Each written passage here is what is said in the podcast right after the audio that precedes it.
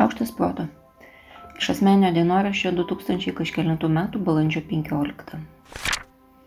Aš dirbu laimės industrijoje. Kartu su makijažo, plaukų, rūbų, sporto specialistais ir su dar gerokai platesnė kitų rūšių specialistų draugija. Šiukštų nesiskundžiu. Bet ši industrija turi tokią įdomią specifiką. Tai ta industrija, kur kai kurie žmonės sako, padarykit man X nors iš tiesų sako, padarykit mane laimingu arba laimingą. Žinoma, ne visi taip sako. Yra neįtikėtinai daug žmonių, kurie žino, kad atėję į sporto klubą gaus kokybišką instrukciją apie tai, kaip lavinti įvairius raumenis, širdį ar gerinti lankstumą. Ir jie dažnai ir ateina gauti specifinių paslaugų, pradedant nagų spalva, apimties centimetrais ir baigiant įvardintos problemos sprendimu.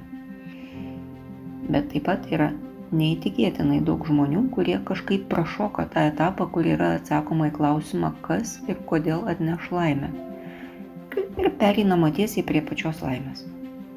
Kelias į laimę paprastai pasiskolinamas iš kokiu nors einamųjų pavyzdžių. Ko jau ko, bet laimės pavyzdžių šiandieninėje kultūroje tikrai netrūksta.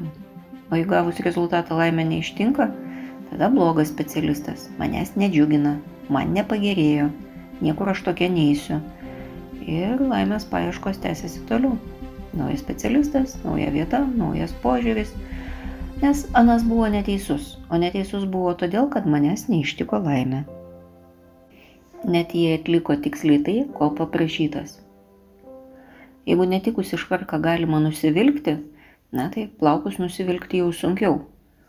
O naujo įpročio dažnai net nepradedu matuotis, nes jį vieną kartą pabandžius jis kabutėse nesuveikia, na, tai yra neištinka laimė, tada prastas, netikęs patarimas.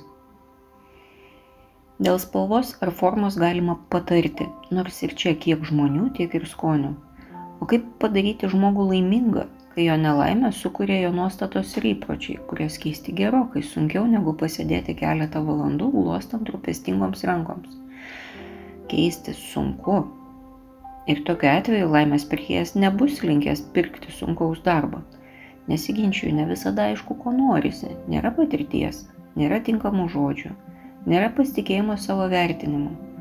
Labai norisi, kad tokį sprendimą, kur pačiam trūksta drąsos, priimtų specialistas. Bet kito žmogaus rekomendacija visada bus taip, kaip tam kitam žmogui atrodo. O ar tai padarys klausiantį į laimingų? Kalbant siauriau apie psichologiją, tada pirmą reikia suprasti, ką žmogų daro laimingu, nes net ir žinant mąstymo, elgesio ir emocijų dėsningumus, atsakymų vis tiek yra tūkstančiai ir visi jie teisingi. Kaip ir atsakymai klausimą, kokia spalva man tinka. Kas turi laiko išsimatuoti visus ir suprasti, kuris yra tikrai jo. Minčių skaitimas, kaip bebūtų gaila, neįeina nei į vieną laimės industrijos specialisto apibrėžimą. Todėl kelias vis tiek yra vienas - žinoti tai pačiam. Klausimas neregėtai sudėtingas. Kiek turim rašytinės kultūros, tiek turim ir bandymų atsakyti tai. Ir tai tikrai gerokai daugiau negu nagų, plaukų, švarko spalva ar vienas ar kitas įprotis. Turim bandymų atsakyti į tą klausimą, nes užtikrinto atsakymo vis tik nesigauna. Ne leiskit pasitaisyti. Tiksliau panašu, kad užtikrintus atsakymus iš šono siūlo tik laimės pažado pardavėjai. O iš tiesų į klausimą išeina atsakyti tik savo pačiam. Ir atsakymas greičiausiai ir tinka. Tik savo pačiam.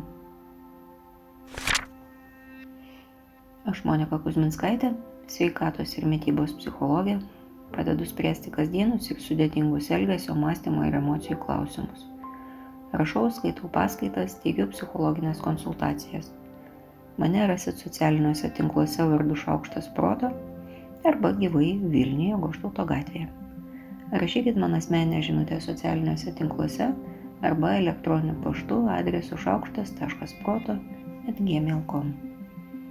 Taikos ir ramybės.